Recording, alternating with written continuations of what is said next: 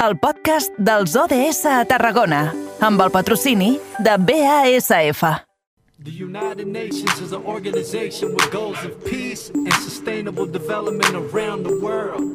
Their mission is huge, but we're breaking it down in two minutes. 17 sustainable Són les 6 i 6, hora perfecta per aturar-nos als estudis de BXC Ràdio. Allí tenim el nostre company, en Jonai González. És l'home que eh, no té una agenda del 2022. Ell té una agenda del 2030, la dels Objectius de Desenvolupament Sostenible, l'agenda de les Nacions Unides. Jonai, bona tarda, bon dilluns. Bona tarda, bon dilluns, Edu. Uh, tot i que avui l'agenda no sé jo si la necessitaràs gaire. Avui el que et convindran seran unes bones uh, sabatilles esportives, atenció, per fer una marató de que pari bé tothom les orelles, 250 quilòmetres.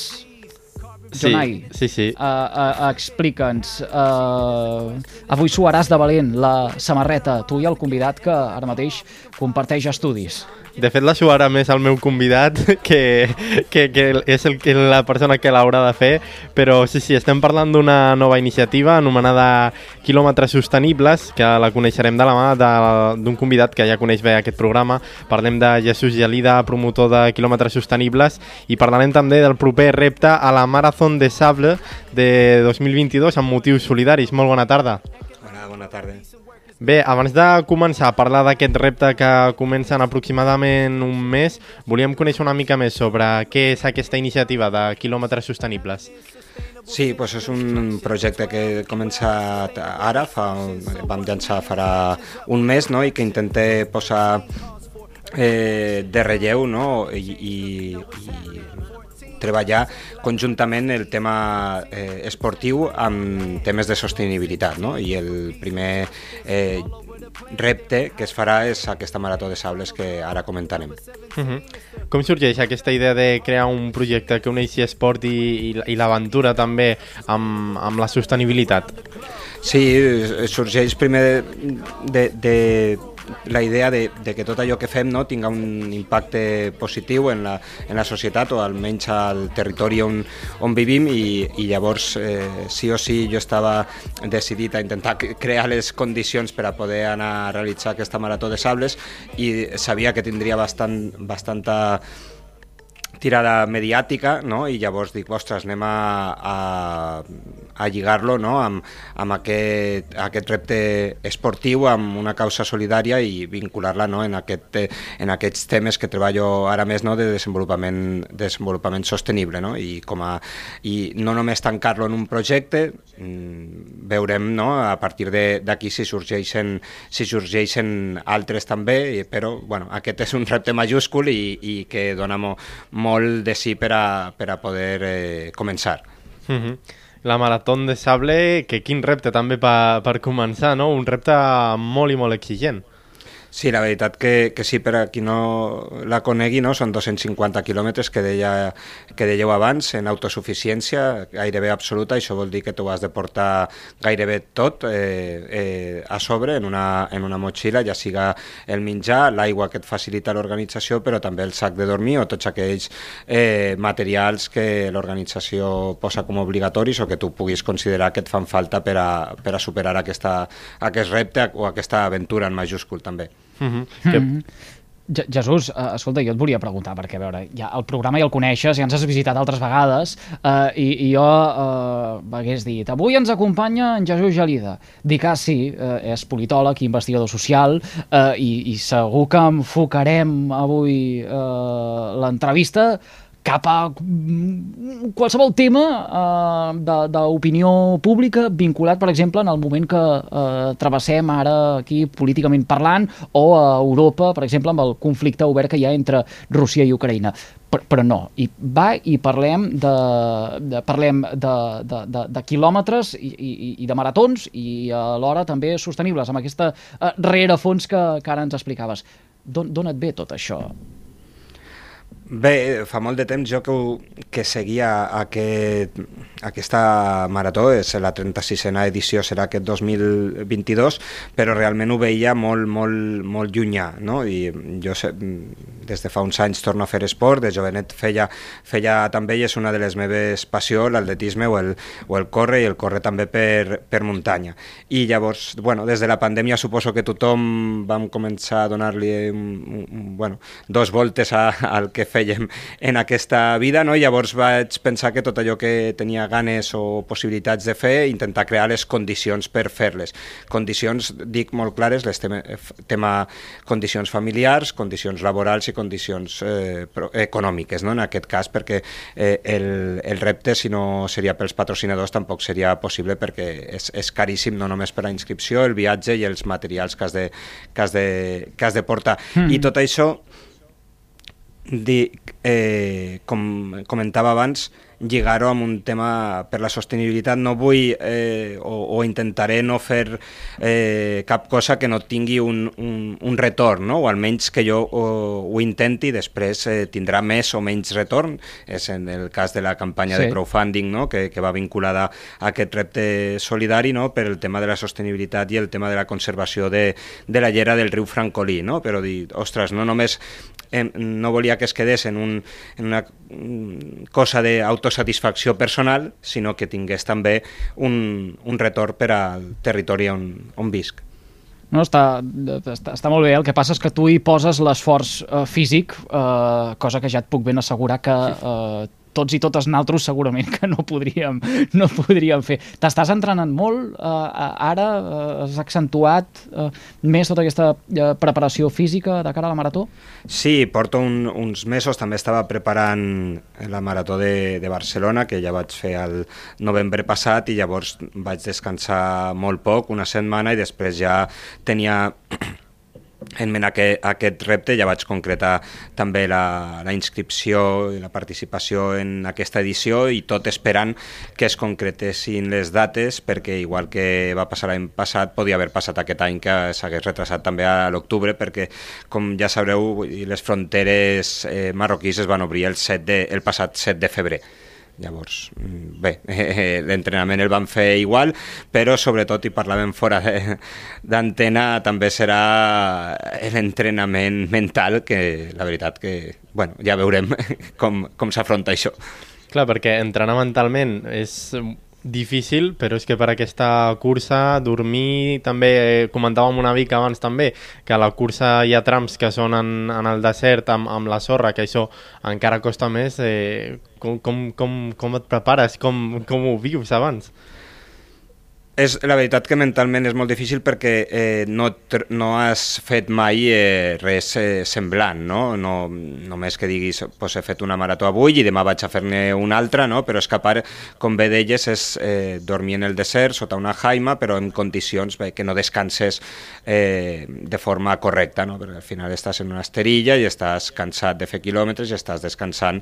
Eh, també cal, en unes condicions climàtiques adverses, durant el dia pots estar a 40 graus o més i, al, i després a la, a la nit pot baixar fins a 8-10 graus. Bé, aquest eh, canvi tèrmic també tens que portar-te la roba necessària per afrontar la nit, però que no et pesi massa, no? perquè al final has de portar una motxilla mínimament de, o de, entre 6 quilos i mig, un màxim de 15. Això està marcat per l'organització. 6 i mig per sota, perquè si no els pros no portarien res, no? i màxim 15 perquè tampoc pots anar amb més quilos perquè no, no seria... Bueno, saludable no ho és, però seria inviable. Mm -hmm. Recorda'ns una mica, on aniran destinats el, els beneficis d'aquest crowdfunding? Sí, 100% aniran a la ONG Empieza el Cambio, que és una ONG que es dedica a temes de sostenibilitat i desenvolupament sostenible a través de les, de les escoles, i això és, eh, cal fer èmfasi, no? perquè al final eh, tot projecte de sostenibilitat que pugui haver-hi eh, ha de crear una consciència i una sensibilització i si ho fem a través dels més petits eh, millor perquè al final és els que, bueno, si, si hem de salvar la, la, la humanitat no hauran de ser més, més ells no? que, que el desastre que els estem deixant la nostra generació i, i anteriors. No? Llavors, eh, fer èmfasi, com deia, aquest, eh, aquest crowdfunding, aquest 100% de la recaptació anirà a aquesta ONG i que després es traslladarà a escoles i instituts no només de, de la ciutat de Tarragona, sinó de, tot, de diferents poblacions que vulguin participar-hi en, en, aquestes, en, en aquestes accions, ja siguin no només de reforestació, sinó també de, de neteja i conservació de, de la llera del riu Francolí. Uh -huh. Abans es parlaves també una mica de, de la família. Què, què, què pensa la teva família d'aquest repte que t'has proposat?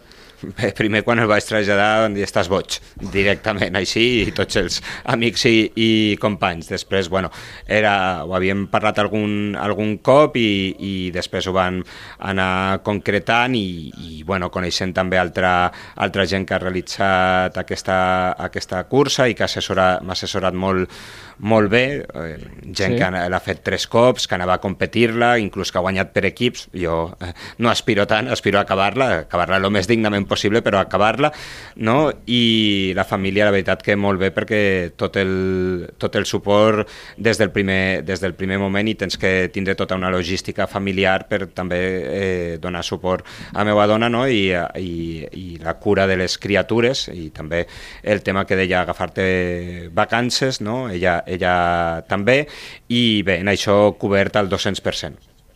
Uh, Explica'ns, uh, Jesús, i, i tot això al final com s'acaba materialitzant? Parlaves abans dels uh, costos, ara aquí ja parlem de costos econòmics, materials que uh, té emprendre un uh, repte com aquest però després hi ha tota la uh, part uh, que genera, podríem dir, aquest retorn uh, no? en benefici del medi, en aquest cas en benefici de tot el que és la conca del riu Francolí. Com, com funciona tot aquest projecte en què els oients que ens estiguin escoltant poden també aportar el seu granet de sorra? Sí, aquest projecte s'està traslladant a, a les escoles, primer d'aquí de la ciutat de, de Tarragona, a través també de le, dels equips directius i de les, i de les AMPES, estan, o de les AFAS, eh, estan veient a molt, bon, molt bons ulls, ho estan movent també, a, per exemple, l'Escola Tarragona, al seu blog i a través de les seves eh, xarxes socials o grups de, de, de WhatsApp, no? Eh, de, que s'hi aporten el seu granet de sorra, en aquest eh, cas econòmica eh, econòmicament, que pot ser des d'un euro fins al que vulguin, i després tindrà retorn amb eh, xerrades tant a les escoles com després una activitat amb, amb la canalla no? de, de tema ja, ja sigui de neteja, d'activitats de blogging o de eh, reforestació del, del riu. En això hem buscat també eh, no només a, a, a l'ONG Empieza el Cambio, sinó és un dels partners, un dels patrocinadors, eh, és eh, una empresa que es diu que es diu, eh, ja ho diré, el, el árbol en el desierto, ¿vale? que pareix fet a posta i no tinc cap vinculació més enllà que els va agradar molt el, el projecte i també s'han sumat i donaran suport en, tota, en tot el, el que és el tema més concret. No? Jo puc en, saber de temes de polítiques públiques, de temes de sostenibilitat i desenvolupament sostenible, però no del, del dia a dia de, de com, com i quan eh, es fa una, un tema de reforestació, com es eh, com es planta no? I, i tota una explicació més en detall. Llavors també hem buscat eh, partners que tinguin aquesta idea i que també vindran a acompanyar-nos a nosaltres a les escoles, i no només a les escoles, també per exemple a la laboral, en el cicle mm -hmm. que ha començat enguany de a veure si el dic bé el nom, el cicle d'activitats físiques eh, de l'esport en el medi natural o en el medi en muntanya, que també aniré a fer una xerrada just un parell de dies o tres abans de, de marxar al, al desert i que eh, també, bueno, com a activitat que faran dins de, dins d'una de les assignatures. Hmm, en, en el marc d'aquesta campanya parles d'apadrinar algun dels 250 quilòmetres eh, tenen nom i cognoms ja aquests 250 eh, quilòmetres o, o realment en queden encara de quilòmetres disponibles per tots aquells que ens estiguin escoltant? Sí, en queden. Al final és una campanya mediàtica, de, si hi ha 250 eh, quilòmetres no? i poden haver-hi mo molts més, allà al voltant de 400 euros de donació van ficar una, una xifra de 1.500 euros, però òbviament es pot eh, i esperem que es pugui sobrepassar i el tema de també per fer-lo més atractiu, no? deia en 5 euros, eh, apadrines, si ets esportista, apadrines 5 quilòmetres eh, si, i, i, un, i, el, i el plantar un arbre, no? si fas de 10 euros 10 quilòmetres i, i 3 arbres, no? I, i així, o inclús també uns, una sèrie de, de tips o de plans d'entrenament, gent que vulga fer també alguna marató o algun repte de llarga, de llarga distància, pues, eh, en el que pugui, si col·labora també en aquest repte, repte també tindrà la, la meva ajuda en el que pugui, en el que pugui aportar en aquest món. Mhm. Ja saps que a mi també m'agrada molt mirar el, el futur, suposo que encara no hi penses, només penses en, en aquesta cursa, però t'has replantejat ja després de- d'arribar a mirar-ne una altra, inscriure't a una altra o agafar un altre repte com aquest?